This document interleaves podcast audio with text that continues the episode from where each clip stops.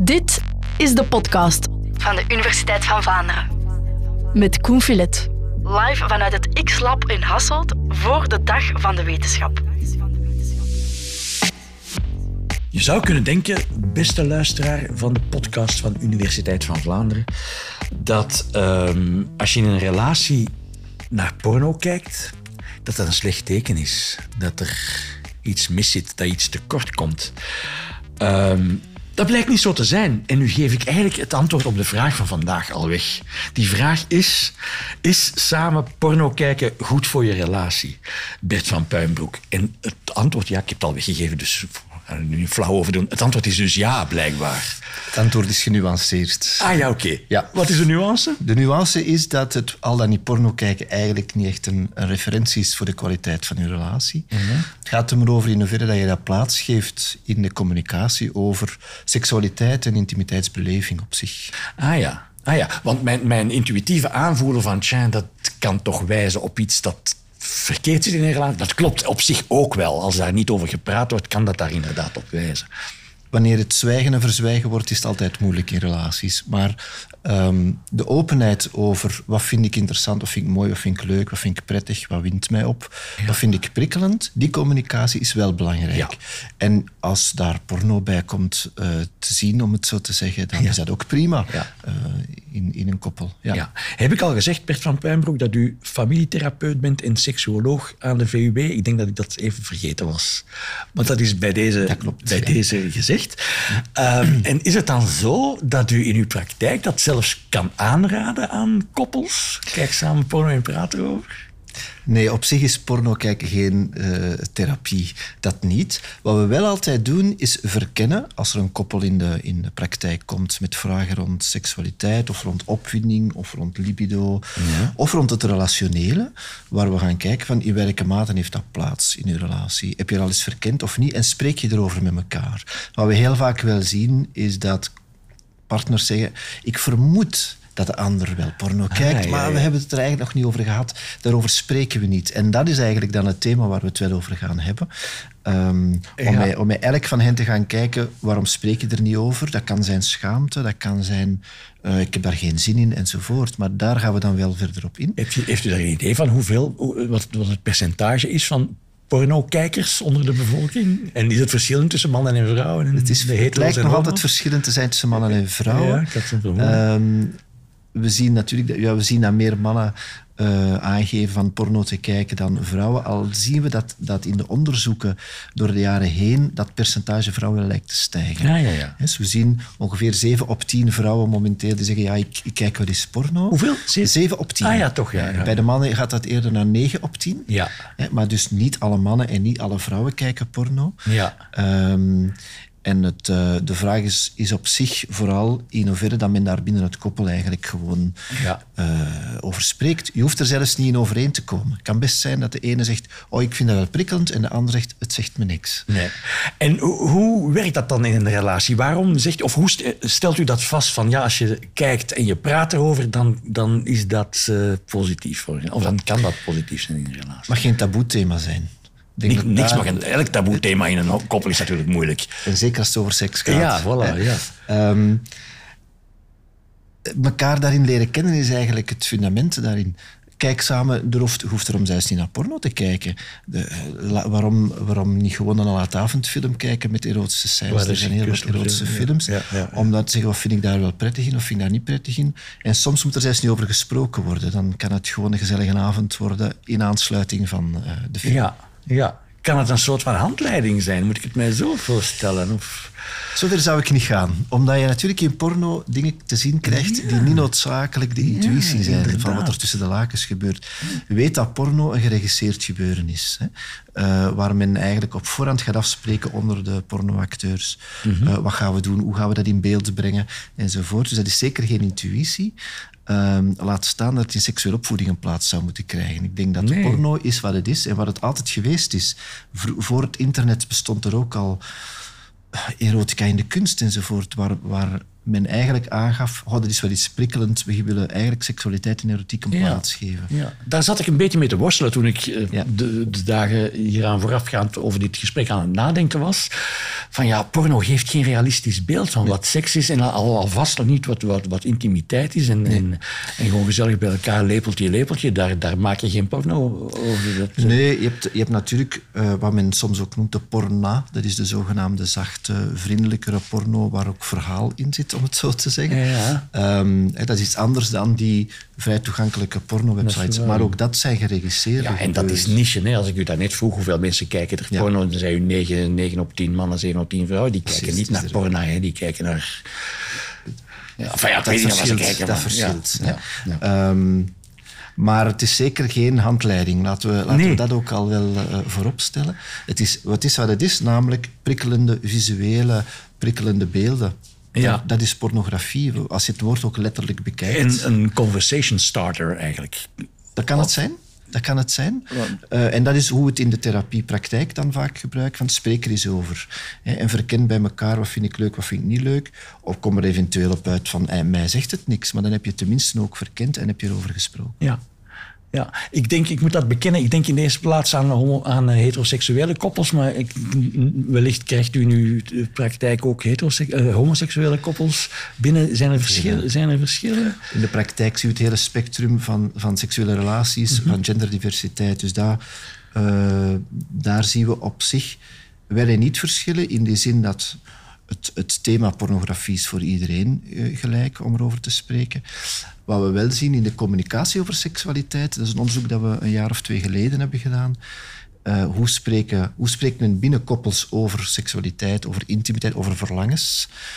Dan zien we dat eh, in eerste instantie, bijvoorbeeld binnen de, de homoseksuele koppels, zowel mannelijk homoseksueel als lesbische, vrouwelijk lesbische koppels, dat de communicatie over seksualiteit veel directer is. Men gaat veel directer Ah, ja, ja. benoemen, wat, wat zie ik wel zitten, welk standje gaan we Ah, ja. gebruiken, wat vind ik prettig, wat vind ik niet prettig. Dat is redelijk recht toe, recht aan. En we zien bij heteroseksueel georiënteerde koppels dat die onderhandeling wat subtieler loopt, wat intuïtiever loopt, wat loopt. Mhm. Men gaat wat meer impliciet eh, spreken daarover. Dat zien we wel. Ja. Als ik dat dan koppel aan wat u daarvoor vertelde, hè, dat communicatie ontzettend belangrijk is voor de kwaliteit van de relatie, dan moet ik hieruit concluderen dat, hetero, dat homoseksuele relaties op dat vlak beter scoren dan, dan, dan, dan Het is een andere communicatiestijl. En men kiest gewoon ervoor van wij, wij spreken daar anders over. En natuurlijk, onderzoek is altijd beperkt. Hè. Wat ik nu zeg is een, een tendens die we zien, Ja. een trend die we zien. Maar dat geldt niet voor alle homoseksuele en niet voor alle heteroseksuele koppels. Natuurlijk. Ja. Elk, elk koppel is uniek en elke relatie is opnieuw weer bekijken. Bijvoorbeeld wanneer je in, een, in een, een relatie zit die een aantal jaren heeft geduurd en waar je eigenlijk op vlak van intimiteit en seksualiteit je weg hebt gevonden. Die relatie loopt ten einde en je gaat een nieuwe relatie aan. Ja, die nieuwe relatie, daarin kan seksualiteit of pornografie in dit geval misschien een heel andere plaats krijgen. Ja. Ja. U verwees daar juist naar experimenten. Ehm, dat ging dan over communicatie. Ik zat... Ik, ik- sorry hoor, ik moest denken aan het verhaal van de panda's in de zoo. Die, Ja. zich, niet, die zich weigeren voor te... En ze hebben die panda-porno... la- Klopt. Ja. Ja, het En- lijkt En te dat werkt... Nee, ah, ik wou zeggen, ik dacht dat het niet werkte. Maar, Het lijkt soms te werken. ah, toch. Ehm, Maar die panda's zijn wel heel terughoudend. Misschien heeft het met de panda's te maken. Maar ehm, er zijn wel wat experimenten ook in het verleden gebeurd om aan te tonen dat visuele prikkels wel degelijk eh, stimulerend kunnen werken. Hè, Wat porno probeert te doen, namelijk visuele prikkels Ja, eh, geven. Ehm, experimenten die we kennen zijn bijvoorbeeld, je zet twee koppels van ratjes eigenlijk in een aparte aquarium. Dus ze kunnen elkaar zien. En het ene koppelratje geeft je wat feromonen en wat stimulans, die, waardoor ze seksueel actief worden. Ja. Dan zien we eigenlijk dat het eh, koppelratjes daarnaast, puur op basis van... Zonder feromonen. ook seksueel actiever lijken te worden. Ja. Ah, ja. Dus dat is wat porno doet, eh, prikkels geven. Ja. Eh, in de hoop dat die natuurlijk een stimulans brengen. Maar nog eens, niet voor iedereen en niet in alle omstandigheden is dat altijd even prikkelend natuurlijk. Je mag ook zeggen, mij zegt het niks. Ja. Het is natuurlijk een beetje lastig om, dat, om, om, om porno te gebruiken in zo'n, thera- in zo'n therapeutische omgeving, omdat veel porno natuurlijk geproduceerd wordt in omstandigheden die een beetje louche zijn en niet altijd even ethisch. U, u sprak over die porna, de verantwoorde porno. Oké, maar dat is niet de doorsnee porno. Dat zit vaak dicht tegen mensenhandel en dat soort van... Uh, ik denk dat alles wat... Problemen. Ja, maar goed, alles wat seksualiteit is, daar, daar, uh, alles wat goed gebruikt wordt, kan ook misbruikt worden. Ja. Um, en het klopt dat daar rond pornografie een hele, een hele polemiek is. En dat, dat, dat is een industrie die op een gegeven manier natuurlijk ook geld probeert binnen te brengen. Um, en inderdaad, niet alle porno die je te zien krijgt, is altijd even... Uh, misschien altijd even... Ethisch geproduceerd. Ethisch geproduceerd, dat klopt. Ja. Dus ik denk in dat opzicht staan we als samenleving wel voor de uitdaging om te zien hoe gaan we daarmee omgaan. Uh, met wat er, wat er ja, in die nieuwe technologieën ook op ons, op ons afkomt. Ja. Ja. Um, dat is zeker de randbedenking die we hebben in dat opzicht. Zowel als onderzoeker, maar ook als klinicus ben ik zeker niet iemand die zegt we moeten naar porno kijken. Nee, het is een gegeven Ja. en de vraag is hoe gaan we daarmee omgaan.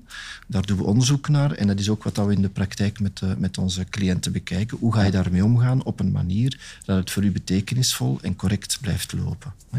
Je hoort af en toe ook wel zeggen dat porno kijken problematisch is. In die zin dat veel jongeren uh, denken dat seks gelijk is aan wat er te zien is in, in, in porno.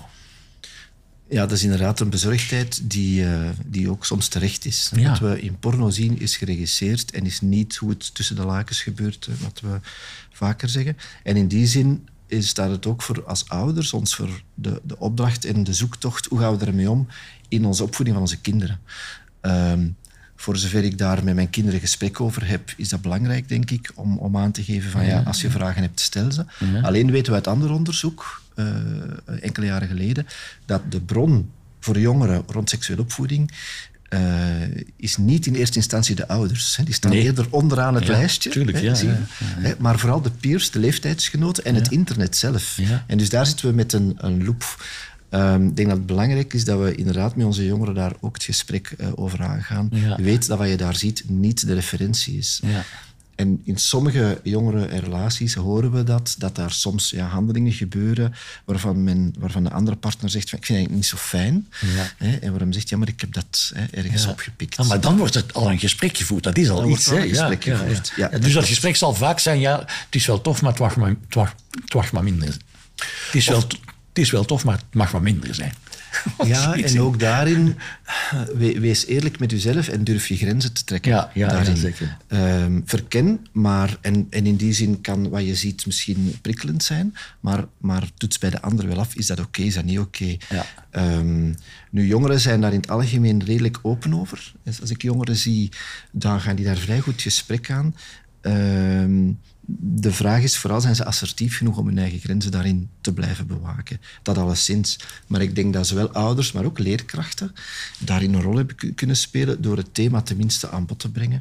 Het zij op school in de pakketten, maar als ouders, ik heb de boeken rond Eros in de kunst, eh, laat het op de salontafel liggen, dat jongeren er eens kunnen in Ah, ja, ja, bladeren. ja. Hoeft niet altijd, eh, het gaat niet altijd over internetporno gaan, hè, want dat is vaak ook eh, te direct en te, te zeg je dat in your face, hè, zegt men in het Engels, hè, waar jongeren niet aan toe zijn. Dus bij jongeren in opvoeding is het altijd zoeken waar is deze jongere aan toe en hoe ga ik daar het gesprek over aan. En, en laat dus al eens een boek slingeren dat... eh, Ik denk dat dat kan helpen.